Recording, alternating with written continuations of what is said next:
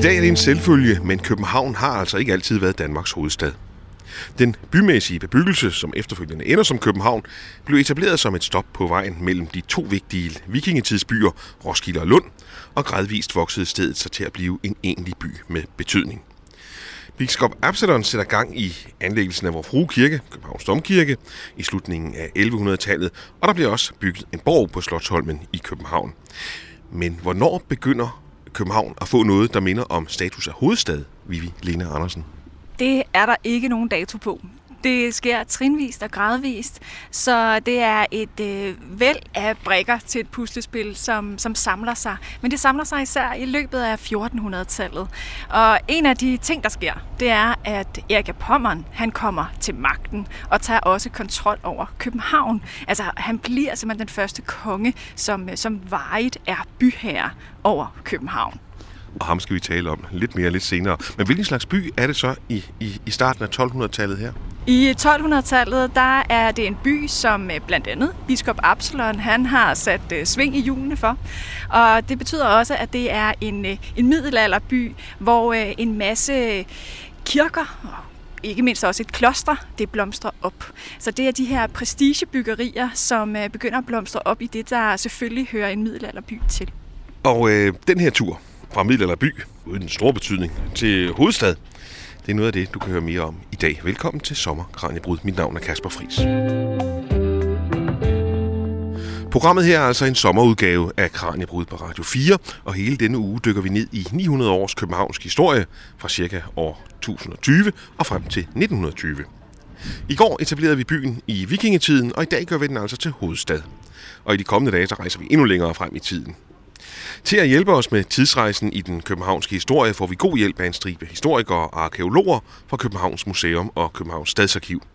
De har for nylig været med til at skrive et ottebindsværk om Københavns historie. Og i dag er det arkeolog og leder af formidlingsafdelingen ved Københavns Museum, Vivi Lena Andersen, der er turleder fra cirka år 1200 til år 1550. Og for mange af os nutidsdanskere, så er det jo svært at forestille sig København som andet end landets største og vigtigste by. Men hvor stor var den så egentlig omkring år 1200?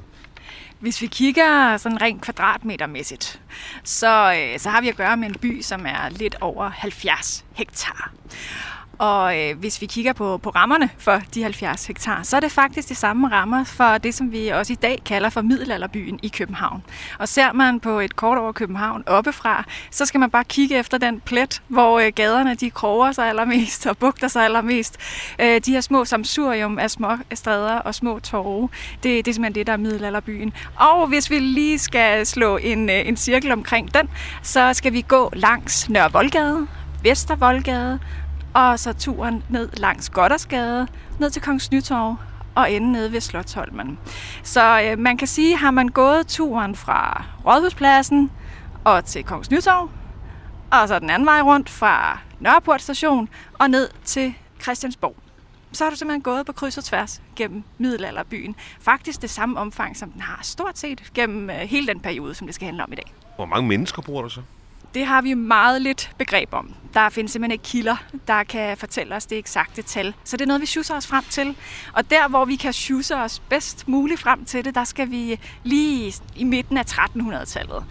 Og der, der øh, kender man øh, nemlig til øh, matrikler i København, eller i hvert fald grunde i København, sådan så man kan nogenlunde beregne sig frem til, hvor mange har så boet i hvert husstand på hvert grund. Og når man gør den øvelse, så når man frem til, at der formentlig har boet omkring 4.000 indbyggere i København i midten af 1300-tallet. Og det er jo altså så et tal, der vokser til, til dobbelt størrelse, da vi når ud af middelalderen i 1536 ved reformationen. Der bor der rundt regnet 8.000 mennesker i København. Men det er lidt svært at regne ud, for så skal I jo også regne ud, hvor, hvor gamle folk de bliver, og hvor gamle deres børn de bliver, altså hvor mange af dem overlever den slags.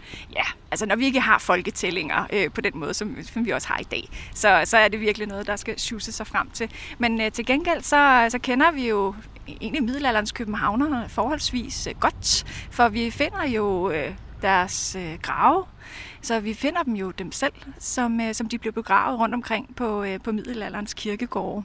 Blandt andet også, hvor vi sidder i dag. Og vi sidder på Gråbrød og Torv.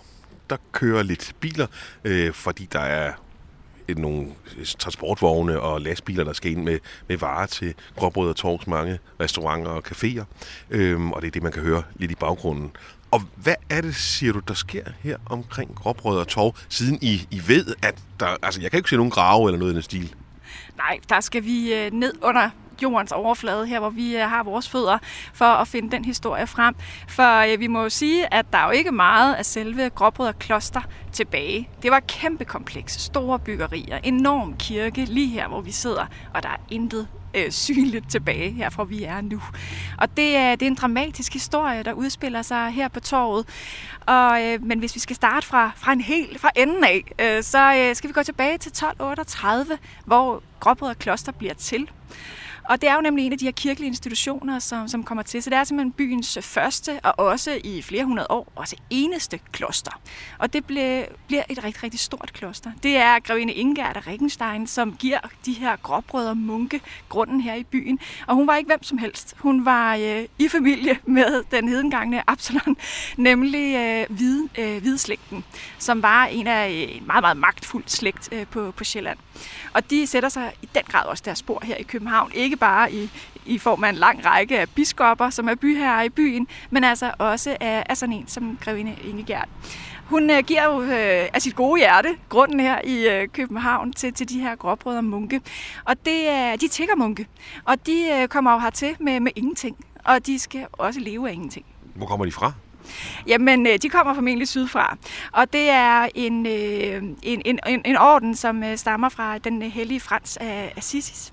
Og det er også der, hvor Clarissa-ordenen stammer fra, som er søsterordenen øh, til de her gråbrødre munke. Så de er formentlig kommet op igennem øh, Tyskland øh, herfra, og, ja, og her til, til København. Og de starter jo altså som sagt med, med ingenting og får den her grund, og så bliver der ellers øh, samlet ind.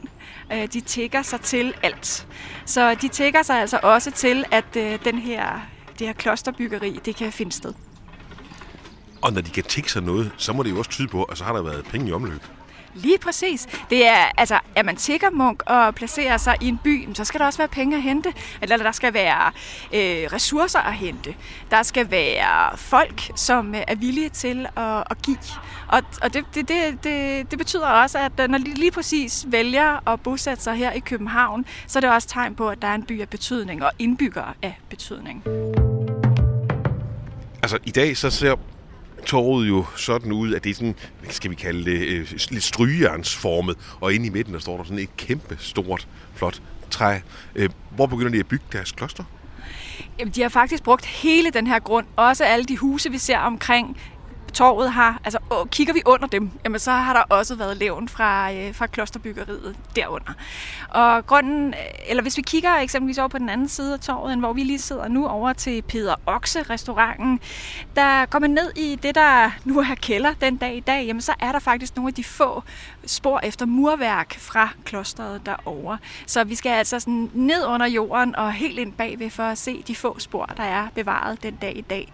Men faktisk der, hvor, øh, hvor vi sidder lige nu, ude på torvet på, på nordsiden, der, øh, der har der altså været gravet før i tiden. Og det betyder også, at vi ved, hvad der ligger nedenunder vores fødder, og dermed også, hvordan det her torv har set ud dengang munkene boede her det er jo ikke så nemt for jer at komme ned i jorden her, for der er jo altså brosten på. Altså, hvornår har I haft lejlighed til at kigge ned, og hvad, og hvad fandt I?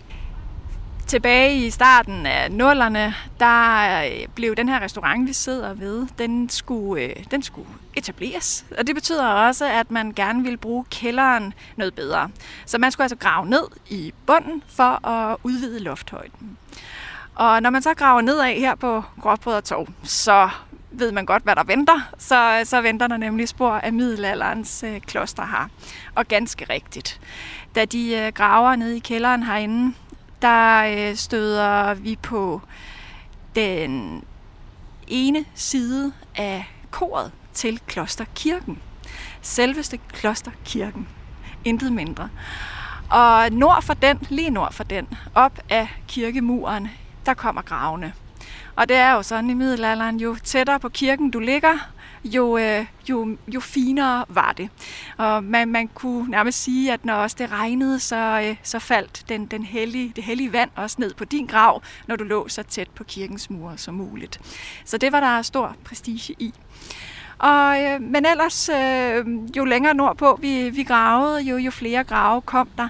Vi nåede op på 68 grave, bare lige herinde, øh, hvor vi sidder nu. Og det var, det var børn, voksne, mænd, kvinder. For det var sådan, det var jo ikke kun munkene selv, der lå sig begrave på deres egen kirkegård. Det var jo i høj grad øh, borgere i byen, som betalte sig til at få en gravplads her. Det var jo også en del af det at øh, være tigger munk her. Det var, at man, man tog altså øh, betaling for, at, at man fik lov til at blive stillet til hvile her i, i den indvidede jord her. Den var jo sær, ganske særlig. endnu mere særlig end på en almindelig sovnekirke. Har jeg haft lejlighed til at altså, få lavet nogle nærmere naturvidenskabelige undersøgelser af, øh, af de her ligerester? Ikke naturvidenskabelige undersøgelser. Vi kan se ud fra knoglerne, hvor, hvor gamle de var, og også deres sådan, sundhedstilstand. Og vi kan også godt se, at øh, nogle af, af dem, der er blevet gravlagt herinde, altså, de har også haft et, et hårdt liv. Og øh, de har øh, eksempelvis så fandt vi en grav, hvor øh, en, øh, en mand havde øh, sin øh, højre arm i en, øh, en, en permanent vinkelret øh, position, fordi at hans øh, albu har været så gigtpræget, at han simpelthen ikke kunne rette armen ud. Altså, så han har, har gået øh, med, med sin arm i sådan en, en lille arm. Man skal forestille sig, at han har gået med armen i en sådan permanent slynge, uden slynge. Så, så man ikke kunne rette armen ud på grund af gigt. Og vi kan også se på deres øh, tænder, øh, at, øh, at nogle har jo levet ganske godt. Det er jo det er sådan lidt, øh, lidt, lidt i, at øh, nogle gange så jo dårligere tænderne er, jo mere paradentosepræget de er, og jo mere tandsten der er, jo, øh, jo, jo mere velhavende har de formentlig været, fordi de har spist meget sødt. Og det var jo ikke alle, der havde råd til den slags. Så nogle gange så er meget dårlige tænder også øh, lige med højere status. Og det er altså 30-årige mennesker med paradentose, I så har fundet? Det, det, kan det, det kan det sagtens have været, ja. ja. Og det er klart, øh, var man, øh, var man ved muffen, og kunne man leve et, øh, et liv, hvor du ikke sled din krop op, jamen så kunne du sagtens blive 70-80 år.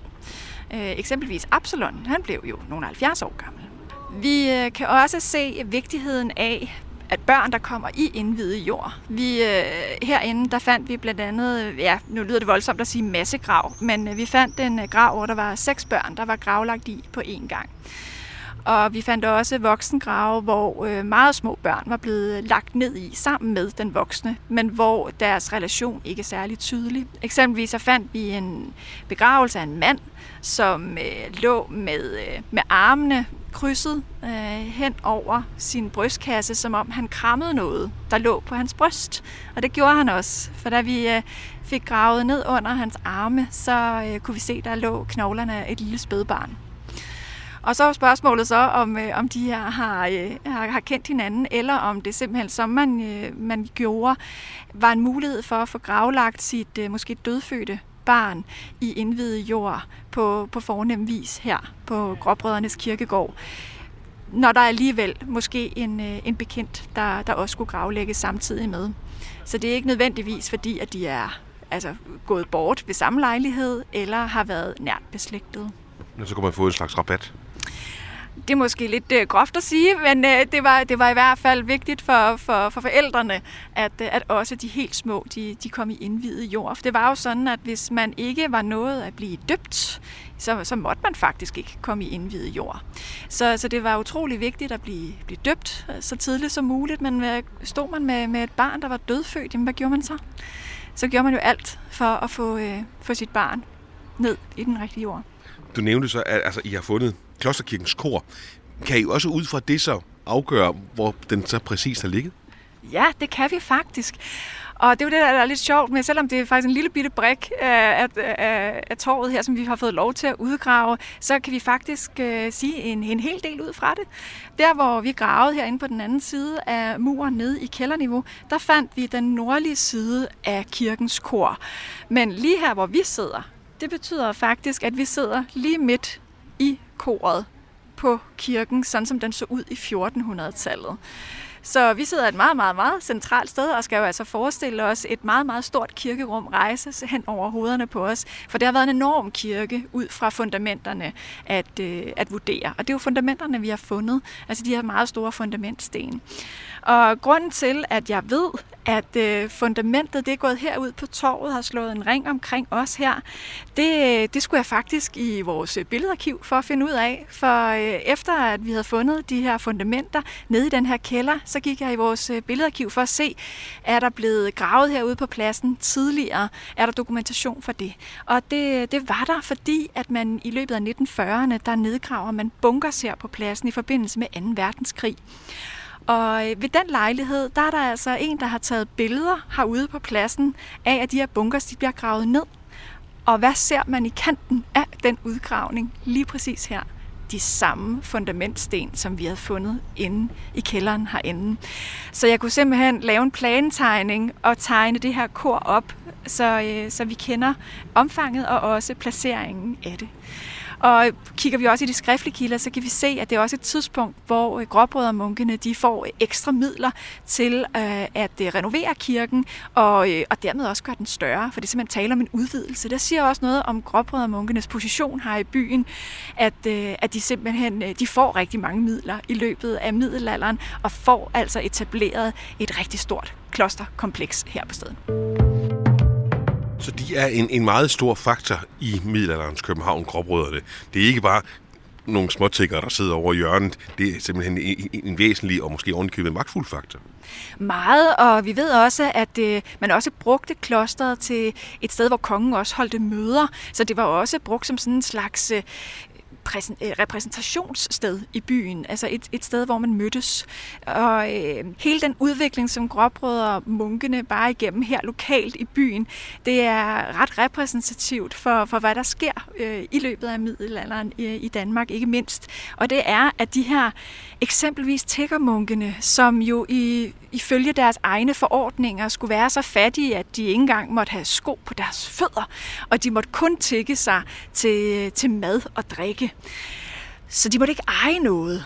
Og pludselig står vi her i 1400-tallet med en mægtig institution med store bygninger. De ejer flere grunde rundt omkring i København. De ejer sølvtøj og bestemt øh, tøj på kroppen ud.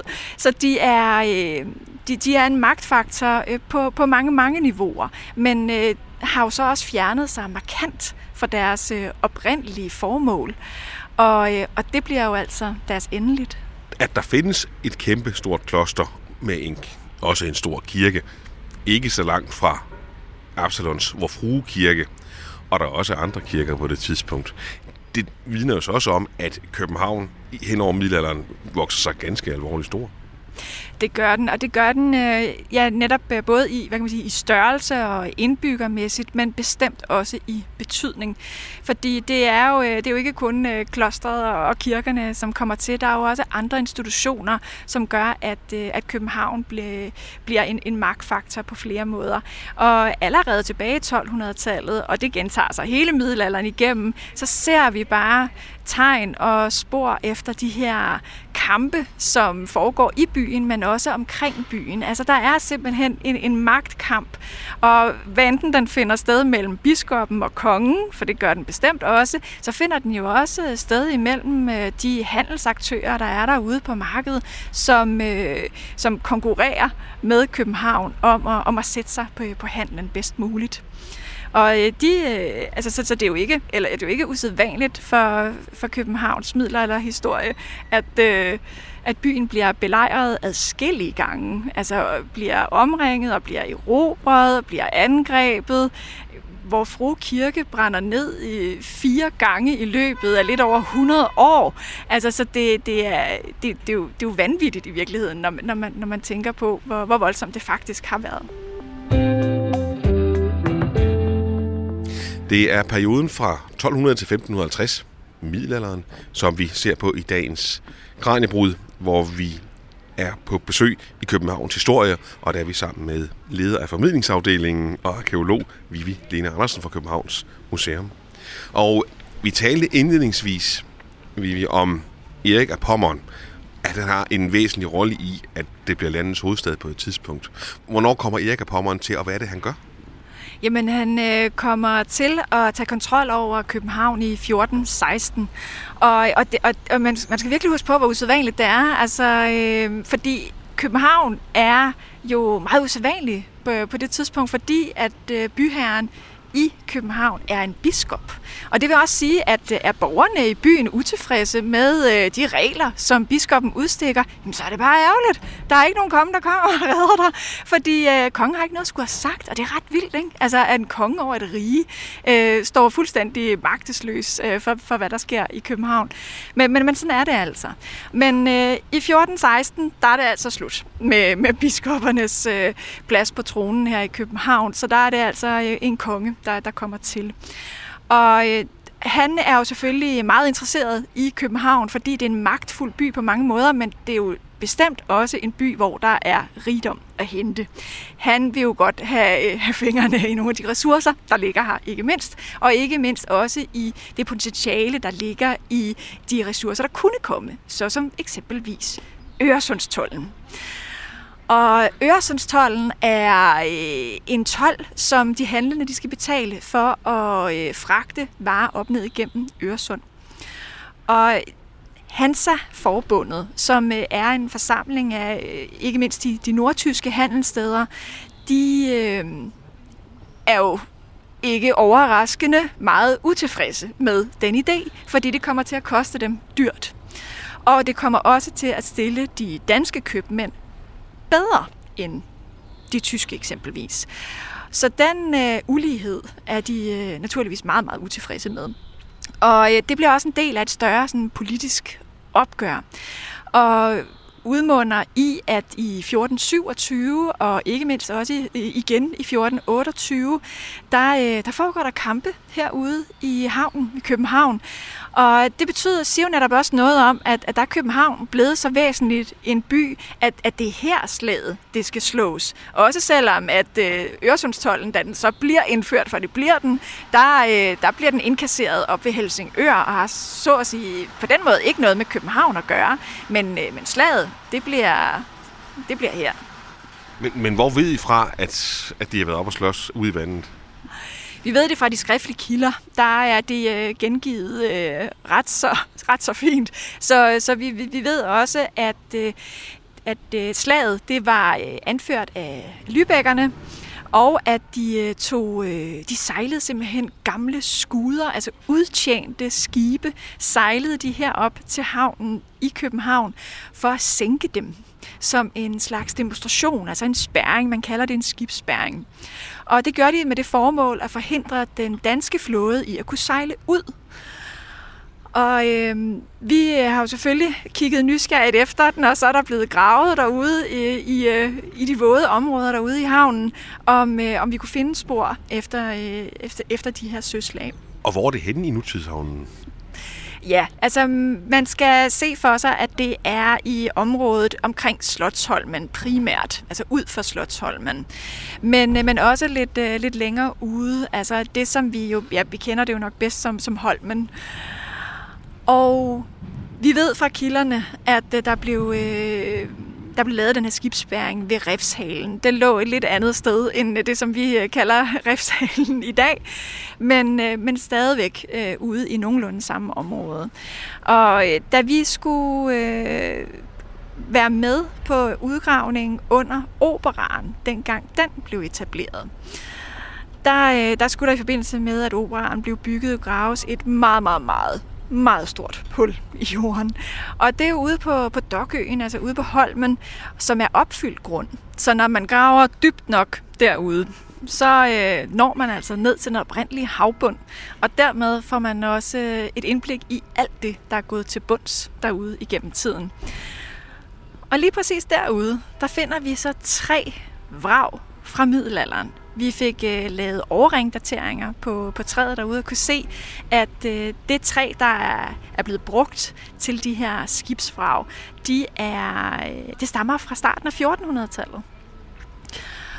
Og så er spørgsmålet jo så, er de her skibe en del af den her skibsbæring, som vi ved fra de skriftlige kilder fandt sted derude? Eller, eller er det gamle skuder, som øh, man ved andre lejligheder har, har lavet gå til bunds derude, fordi de simpelthen var for udtjente? Det kan også sagtens være. Men øh, ikke desto mindre, så finder vi jo også øh, omkring derude også spor efter kamp Eksempelvis blykugler, som man også har, har brugt til kamphandlingerne. Og vi fandt også ved samme lejlighed en øh, kanonkugle af granit.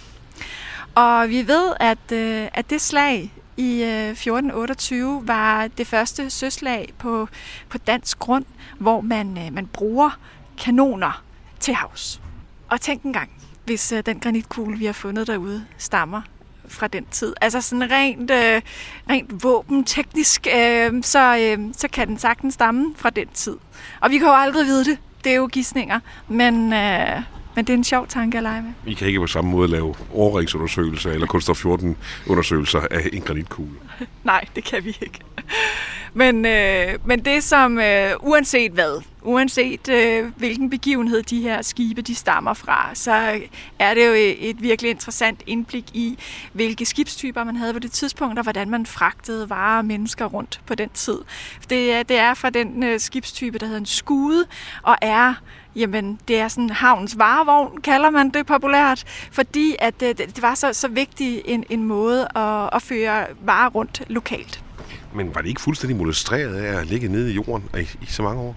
Delvist. Det, der var interessant ved alle tre vrag, det var, at det var kun den ene side af skibet, som var bevaret.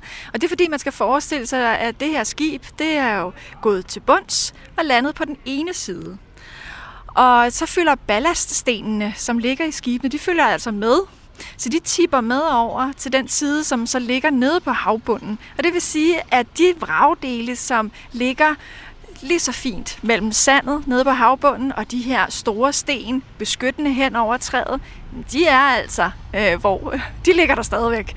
Men øh, den side, som til gengæld så vendte opad, den er, der jo så, den er jo så blevet sejlet ind i af alle mulige skibe igennem tiden, som, som så har netop ødelagt den side. Så derfor er den ikke bevaret. Altså der er træet derfra formentlig spredt ud over øh, hele havnen. Hvad siger de skriftlige kilder så om det slagsmål, der så har været, hvem der trak sig sejrigt ud af det? Ja, det endte altså med at være den danske konge, der, der sejrede. Og vi ved også fra de skriftlige kilder, at den danske flåde også sejler hen over den her famøse spæring øh, kort efter. Så den har altså ikke haft den ønskede effekt uanset hvad. Så, øh, så Erik Pommeren, han ender altså med at indføre den her Øresundstol, så, øh, så han får sin vilje, og, øh, og hans og stederne, de må altså betale det, der koster. Ja, nu er der lige en mand, der går forbi, og hans telefon den ringer. Det er jo fordi, vi, altså, selvom det nogle gange kan føles som om, at vi er omkring 1428, så er vi altså i 2022. Det kan vi så høre på de telefoner, der ringer ved siden af os. Og hvilken betydning får, kan man sige, sige Øresundstollen og det, at Erik Pommeren får sin vilje for København? Helt generelt for København, så, øh, så skal vi jo også huske på, at, øh, at handel er enormt essentiel for, øh, for Københavns virke i det hele taget. Og det, at, at København som øh, god naturhavn ligger lige ud til Øresund, hvor øh, sillestimerne de, de samler sig i løbet af, af efterår, efteråret, det, øh, det har selvfølgelig også betydning. Det har også betydning, at København ligger ja, på vejen og midt imellem bispesæderne Roskilde og Lund. Så på alle måder er det den strategiske placering af byen bare øh, jamen helt perfekt. Og det betyder også, at alle de her små brækker, der samler sig, det betyder, at vi kan kalde København for det danske riges hovedstad, formentlig i løbet af 1400-tallet. Og en af de ting, der også kommer til i 1400-tallet, det er nemlig Københavns Universitet. Og det, at universitetet det etableres lige præcis i København, det er jo også med til at give byen en særstilling. Og derudover, senere i middelalderen i 1510, der bliver der også anlagt overlovsværftet her i København. Så, øh, så på alle måder, så er det her, det samler sig, og alt det, det bliver bare forstærket i den efterfølgende periode.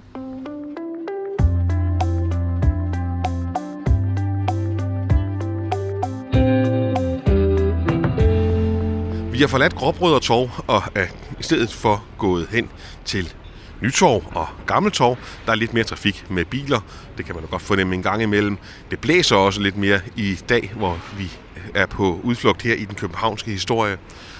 Og der er masser af folk, der går forbi, fordi at strøget krydser jo Nytorv og Gammeltorv. Så der er fyldt med turister også nogle københavnere. Der står folk, der tager selfie-billeder her, og i det hele taget står en del, og kigger telefon, kan jeg se.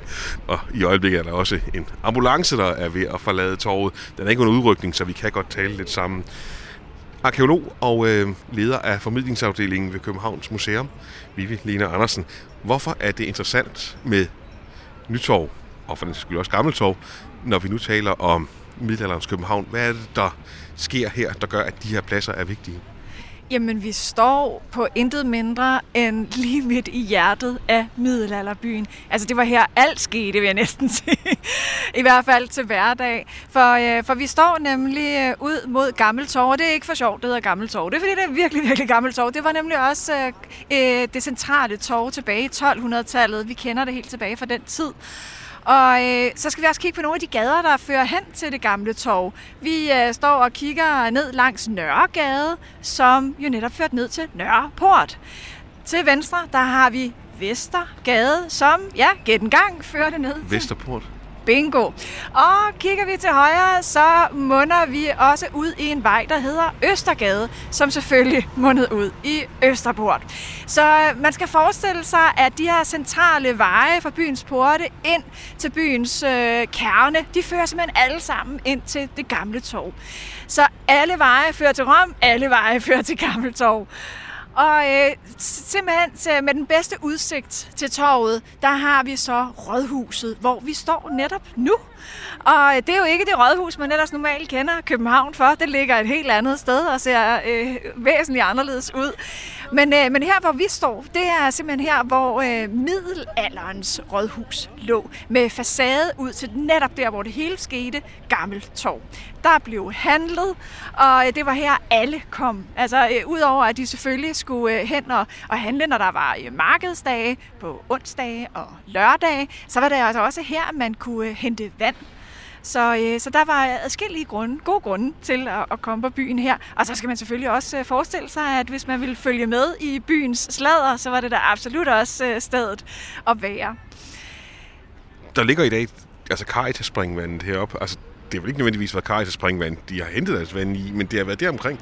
Ja, det har det været. Altså det, at øh, Christian den 4. han øh, anlægger Caritas springvandet som øh, skulptur og, og som springvand, jamen det, det er jo bare fordi, at der også før da har været et sted, hvor man hentede vand. Vi står rent ja. faktisk inde i det gamle rådhus.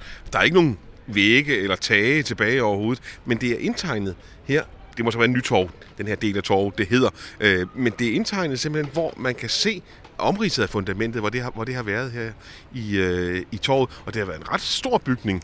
Jeg ved ikke, hvad den måler. Måske 10 gange 30 meter eller noget af den stil der. I hvert fald i det, i det, i det leje. Så det har været en mægtig stor bygning. Og hvornår er vi i tid? Jamen, øh, da øh, rådhuset kommer til at ligge her, der er vi altså i 1400-tallet. Men ideen om øh, et, øh, det at have et rådhus i byen, og også det, at, by, øh, at København får en, øh, en rådinstitution, hvis vi kan kalde den det, jamen der skal vi endnu længere tilbage i tid. For vi ved, at i 1275, der får øh, København sit, øh, sit første borgerråd. Og til at starte med, der består den altså kun af fire mennesker. Og Efterfølgende, så kommer der så egentlig borgmestre, og der har man øh, i hvert fald med vores øjne en lidt øh, sjov konstruktion, hvor man har to borgmestre og otte rødmænd. Så man har altså en forsamling på 10 mennesker, som, øh, som udgør det her byråd. Og øh, det, der også er interessant, det er, at øh, det gik ikke så demokratisk for sig øh, på det tidspunkt, når der skulle vælges, øh, hvem der skulle sidde i det her råd. Det, altså, det var, øh, man skal forestille sig, det var spidserne i byen, som øh, pegede på sig selv og, og sine nærmeste. Og var man eksempelvis håndværker, så kunne du glemme alt om at få en, en plads i byrådet. Du skulle være noget ved musikken her i byen, for at blive, øh, blive taget i betragtning. Så man skal jo nok øh, se for sig, at der har foregået en del øh, rygklapperi for at, at blive en del af det her byråd. Og så skal man også øh, huske på, at øh, når man sad i det her byrum, jamen, var man borgmester, jamen, så var det for livstid. Så det var ikke noget med, at man havde nogle år, hvor man var det, og så gik øh, den her position ellers øh, videre til en anden. Sådan foregik det ikke. Det var til man døde. Altså, vi taler altså ikke om demokrati i den forstand, vi kender i, i dag. Det har været noget helt andet, men der har dog været en eller anden form for bystyre, så, så kongen har ikke bestemt det hele, eller biskoppen før det. Nej, der var behov for, at der var sad nogen lokalt, som også sørgede for, at de øh, love og retningslinjer, som konger og biskop osv., de udstak, de også blev øh, overholdt til hverdag i byen. Og det, det fungerede det her byråd jo i og for sig også som. Men øh, de var ikke helt alene. De havde også, øh, det ved vi i hvert fald fra 1400-tallet af, der havde de også bysvende til at hjælpe sig med den opgave, og ikke mindst også byens bødel, når, øh, når der skulle øh, særlige straffe i spil. Men, øh, men det, at der er et rådhus i byen, altså vi kender jo faktisk ikke til, hvor det første Københavns Rådhus lå henne. Og spørgsmålet er, om vi også bare skal finde det hjemme hos en af medlemmerne af rådet, øh, og ikke som en selvstændig bygning i sig selv. Men vi ved i hvert fald, at det det, vi kalder for byens andet rådhus. Det, øh, det kan vi også se herfra, nemlig nede ad Nørregade. For lige på krydset ved Studiestræde Nørregade, der ligger det, vi i dag kender som Bispegården. Og øh, før i tiden, der var det altså rådhus. Og det flyttede så fra den adresse og til her, hvor vi står nu. For øh, på den adresse, hvor Bispegården ligger i dag, og hvor Rådhuset lå, jamen der skulle Københavns Universitet flytte ind. For det blev jo netop den her nye institution, der kom til i 1479, og de skulle også have et sted at være. Og det blev altså på byens gamle rådhus. Og øh, det siger måske også noget om byens position, at, øh, at nu, skulle, øh, nu skulle der et nyt rådhus til. Og den skulle også placeres langt mere centralt, end den var før. Så man bygger simpelthen et nyt rådhus på det, der i dag er Nytorv, med en, den fineste facade ud mod der, hvor det hele foregik, Gammeltorv. Så det siger jo også noget om, at man gerne vil være synlig i byen, og øh, så som magthaver, ikke? At, øh, at så, så var man der, hvor det, det hele fandt sted synligt. Men du siger så også, at fra Rådhus af, der administrerer man reglerne mere, end man egentlig vedtager dem, for det er altså kongen eller biskopperne, der har besluttet dem. Hvad var det så for nogle regler, de ligesom skulle, skulle administrere og, og sørge for at blive overholdt? De kunne øh, eksempelvis øh, godt øh, udstikke niveauerne på, hvad ting skulle koste Øh, så også når folk kom til byen med varer, der skulle fortolles, så kunne de også være med til at sætte lejet for det. Så altså, de havde også, hvad kan man sige, øh, en medbestemmelse på, på det område der. Og så øh, var det jo også lidt specielt på, på det tidspunkt, at, de, at der på Rådhuset også var fængsel. Så der var også et, et sted, hvor man altså kunne op op, eller man kunne opholde sig, når man ikke havde fulgt reglerne. Så lidt nødtvungen ophold. Ja, ja, det kan man sige. Det var jo ikke et sted, man sad langvarigt. Det var et sted, man, øh, man sad, indtil at man fik sin egentlige straf. Og den straf, den kunne så foregå på byens torv, altså på Gammeltorv, og hvor man så kunne komme i gabestok eller komme på skafottet og blive, øh, ja, blive pint på forskellige måder. Og man skal jo huske på, at, at det, at i en by, der handler det jo, altså der var det jo en straf nok i sig selv at blive øh, stillet til skue på den her måde, fordi det var jo ar, der aldrig helede. Så det kan godt være, at øh, piskeslagene gjorde ondt, men, øh, men det, at øh, du blev stillet til skue for alle byens borgere, det, øh, det var jo så, der aldrig gik væk. Og alle byens borgere kunne måske være 3, 4, 5.000 mennesker, som man har kendt en stor del af dem. Absolut. Så øh, det har gjort ondt. Nogle af de regler, som galt, når man var i København. Dem har du nogle eksempler på i din bog. Vivian Andersen har jo skrevet et af bøgerne i det her nye ottebindsværk om Københavns historie.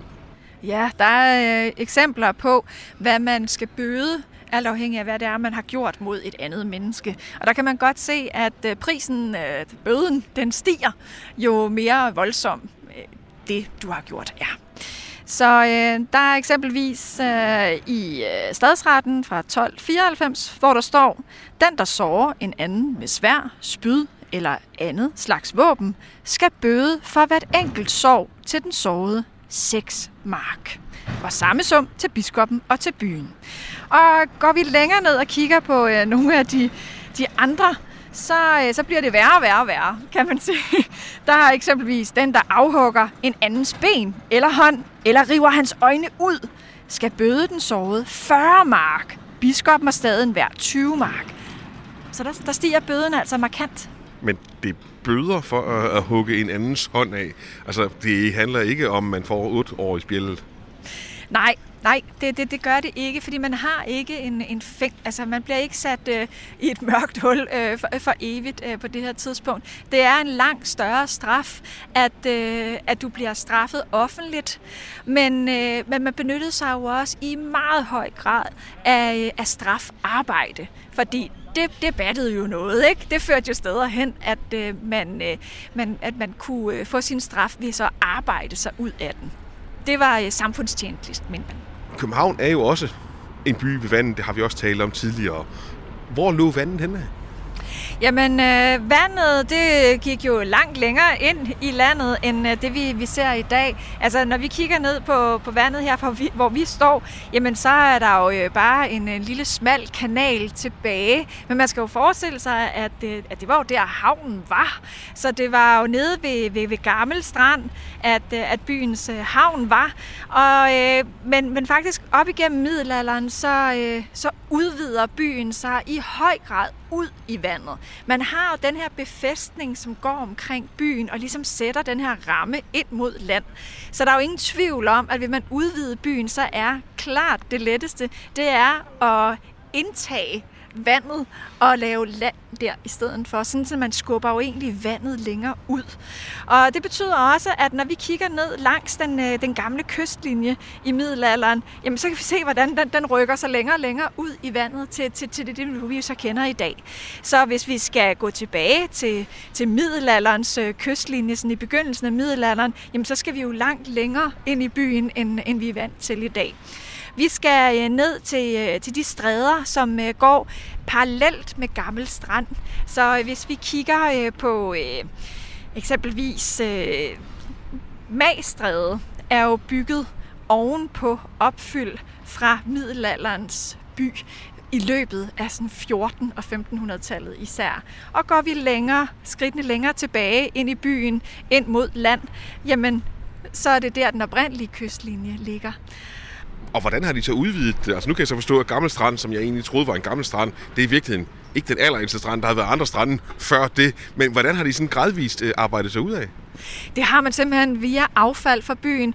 For, øh, for det her affald i byen har jo til alle tider været et stort problem, og jo flere indbyggere byen får, jo større bliver affaldsudfordringen. For de her affald, det skal de jo af med på den ene eller den anden måde. Og der er jo ingen, altså det kan vi se, når vi øh, graver her i middelalderbyen, at øh, vi skal jo adskillige meter ned igennem affald for at nå ned til det allerældste. Og det er jo simpelthen fordi, at byen også er steget opad i niveau, simpelthen bygget oven på affald. Og det er fordi, man ikke fjerner affaldet. Man har simpelthen bare bygget... Så hvis man skulle bygge en vej eksempelvis, så fjernede man ikke det affald, der lå der i forvejen. Man byggede oven på det, der allerede var. Og dermed så stiger niveauet jo, som årene går. Og også når vi kigger... Det er så lige forstyrret igen af, af nutidens virkelighed, fordi der er en, en fyr, der er i gang med en, en palleløfter og skal til at køre nogle varer hen til en, en, en butik. Men sådan er det i nutidens København, der har vi ikke affald liggende rundt omkring. Ikke så meget i hvert fald, som øh, man havde i middelalderen. Til gengæld så har vi altså nogle lastbiler, der kommer med varer til butikkerne. Men du var ved at sige, at Magestræde, Gamle Strand og så videre dernede, det er ret beset bygget oven på lospladsen. Det er i den grad bygget på affald, fordi det var jo øh, et, øh, et oplagt sted øh, at komme al den her affald hen, hvor det var ned langs kysten, altså ned under vand, så det var ude af øje, ude af sind. Og vi kan jo netop også øh, se det ned, især nede på øh, de stræder ved Magstræde og Hyskenstræde, var også kendt som øh, stederne, hvor man havde øh, offentlig toilet. Og jeg har selv været med på udgravninger dernede, så jeg kan godt skrive under på, at det, det, det lugter helt forfærdeligt, når vi graver dernede.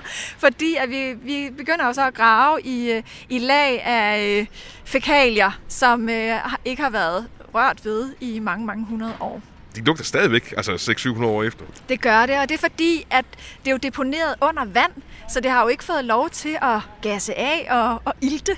Fordi at der, der kommer, altså, når der er vand, så kommer ilten jo ikke ned og kan nedbryde det på samme måde, som hvis der ikke var. Så, så det ligger øh, ganske godt bevaret, og husker det også med stor fornøjelse at have stået med en hasselnød, der var 700 år gammel, og det var fuldstændig intakt. Jeg kunne stadig høre nøden uh, indeni. Vi er tilbage på Gråbrød og Torv. hvor der er blevet lidt mere livligt i løbet af den sidste tre kvarters tid.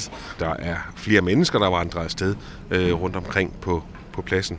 Vi har placeret os på en bænk, hvor vi sidder og nyder udsigten over Gråbrød og Torv, som jo altså for godt og vel 500-600 år siden ikke var et torv, men til gengæld var en del af et stort klosterkompleks. Og du har taget en lille bitte ting med, Vivi Lena Andersen. Øh, det er en, en lille ski. Den er vel på størrelse med en hårnål eller noget af den stil. Hvad er det for en tingst? Jamen, det er en øreske. Og den er øh, ja, en øh, 4 cm lang og, øh, og har en, sådan, ja, en lille ende, hvor man så kan grave ørevoks ud med. Og i den anden ende, den ender i en spids, som er meget velegnet til at rense negle med, eller fjerne ting mellem tænderne, hvis man skulle have det. Og det, det er, øreskeer, de var, altså det, det brugte man i middelalderen. Det var en del af sådan hygiejnekittet. Men øh, det, der gør den her øreske så utrolig speciel, det er, at den er af 20 karat guld. Så man, altså, vi, vi, vi, vi laver sådan lidt sjovt med, at det er lidt som at have en, øh, en, øh, en vatpind af, af guld. Ikke? Altså, hvem har det? Var det gråbrødrene, som, altså de her tiggermunke, som gik og gravede ørevoks med guld? Vi kender desværre ikke ejeren. Det kunne være besnærende, om det var en af munkene, der, der ejede den. Øh, men øh, vi ved ikke, hvem ejer øh, personen var. Men vi ved, at den her øh, fine, fine, fine, fine, unikke lille guldøreske. Den blev fundet i kirkegårdsfylden. Så vi fandt den, øh, da vi udgravede øh, her på pladsen øh, blandt gravene. Så vi kan ikke øh, tilknytte den en bestemt grav eller person, men øh, den vidner jo om, at der er jo altså færdes mennesker her her på, øh, på Gråbrød og Kloster, som øh, var noget ved musikken. Ikke? Altså, det var virkelig ikke hvem som helst, som, som har ejet den her. Men der er ikke rigtig noget kloster tilbage her på torvet. Altså de eneste spor, vi egentlig kan finde af klosteret, det er for eksempel øreskierne. Hvor er det blevet af?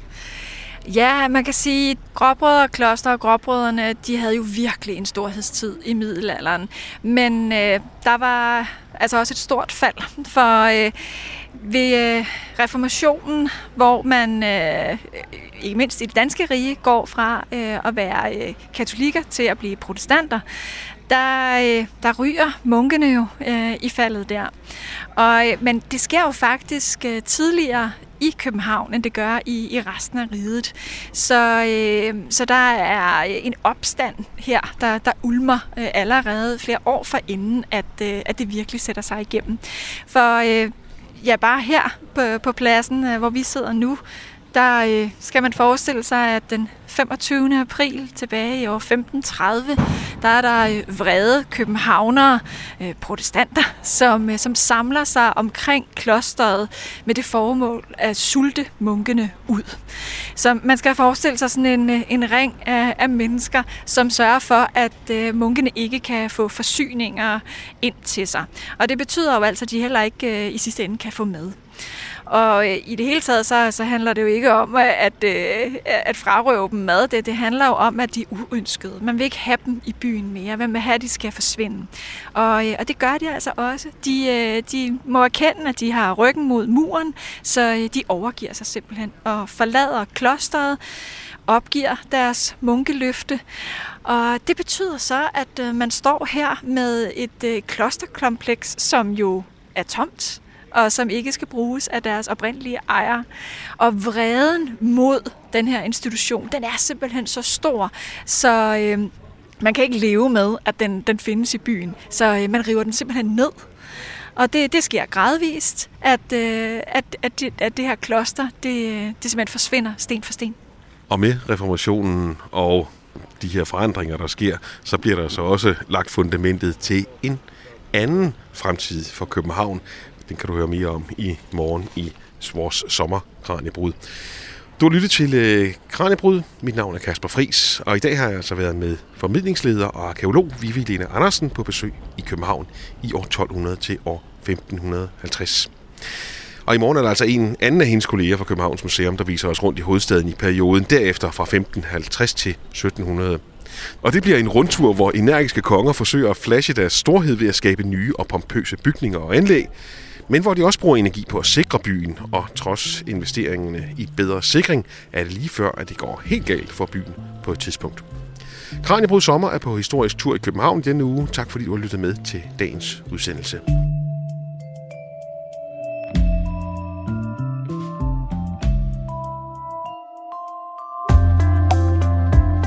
Programmet er produceret af Videnslyd for Radio 4.